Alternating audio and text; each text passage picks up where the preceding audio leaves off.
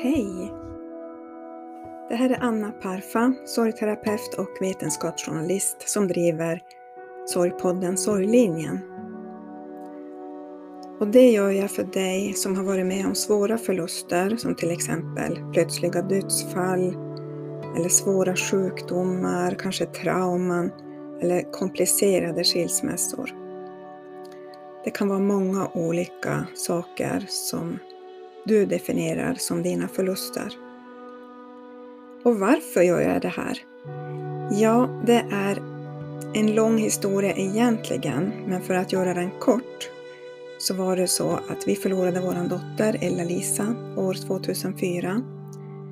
Och jag var så förkrossad och jag hamnade på den djupaste platsen i min känslobrunn och kände att om inte jag lär mig sorgbearbetning från grunden och läker helt och fullt från botten av mig själv så kommer jag aldrig att kunna bli riktigt glad och lycklig igen. Och jag ville bli glad och lycklig igen. Jag ville bli hel. Jag ville bli lycklig och harmonisk. Jag ville bygga upp en kärleksfull familj.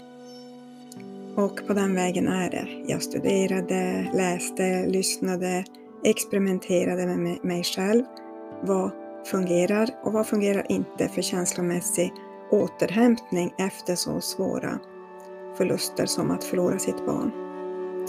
Och jag lärde mig de viktigaste nycklarna för att kunna bli känslomässigt återställd.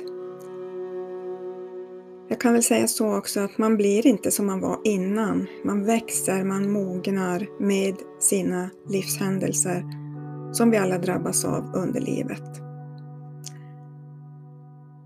Så hur kan jag hjälpa dig nu? Ja, jag vill ge mer kunskap om sorg, om sorgbearbetning, om känslomässigt arbete, om värdegrund, vilken värdegrund främjar sorgläkning och vilken värdegrund främjar inte sorgläkning. Jag vill ge så mycket kunskap så att man sen har möjlighet att jobba vidare med sig själv på känslomässig nivå. Jag jobbar alltid ur ett familjeperspektiv därför att vi alla människor, även om vi är singlar eller om vi känner att nej, men jag är ju ensam, så har vi ändå ett familjesystem av något slag.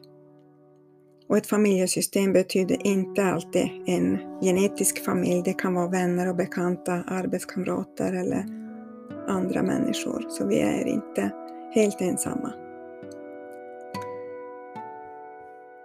Och jag har också utvecklat ett eh, system eller ett program för sorgbearbetning ur familjeperspektiv som är för, särskilt för barnfamiljer. Så jag har särskilda metoder för barn. Eh, det som händer i barnfamiljer det är ju att barn och vuxna går och tassar på tå för varann och eh, den ena vill inte prata om sin sorg för den andra för man tänker att man väcker mer smärta och man ska inte rota i det utan man ska bli glad. Och det är ju en bra inställning men man går fel väg. Så det som behövs är ett forum för den känslomässiga kommunikationen. Så att hela familjen kommer på samma fas i sorgbearbetningen och kan gå vidare tillsammans. Så jag skapade Nonnas sorgsånger som är så enkelt som sånger om sorg som är på barns olika åldersnivåer och som utgör det här forumet för barnfamiljen. Om man sjunger en av sångerna tillsammans så läker man sorg tillsammans i barnfamiljen så alla kan känna sig trygga med att nu läker vi tillsammans och går vidare i livet. Sorg är någonting smärtsamt och eh, jobbigt för det mesta. Det är eh, oftast är det ju kopplat till dödsfall men det kan ju vara alla möjliga olika förluster som väcker ett lidande. Det väcker flera olika sorters känslor inom oss. Och ibland kan de här känslorna vara på helt olika ställen på ett långt spektra. Så samtidigt som man kan känna sig jätteledsen så kan man också känna sig lättad ibland. Eh, man kan vara helt förkrossad och samtidigt ha någon helt annan känsla som kan värderas som positiv. Men det där ska vi gå djupare in i ett annat avsnitt.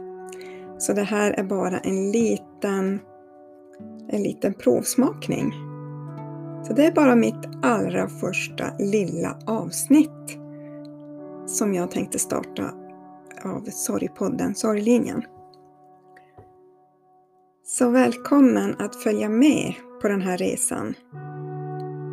Tack för att du lyssnar och tack för att du investerar i ditt liv med de kunskaper om sorg och sorgbearbetning så att du kan gå vidare och bli hel och harmonisk igen. Jag är jättetacksam om det är så att mina svåra upplevelser kommer till nytta i någon annans liv. Så all kärlek till dig som lyssnar.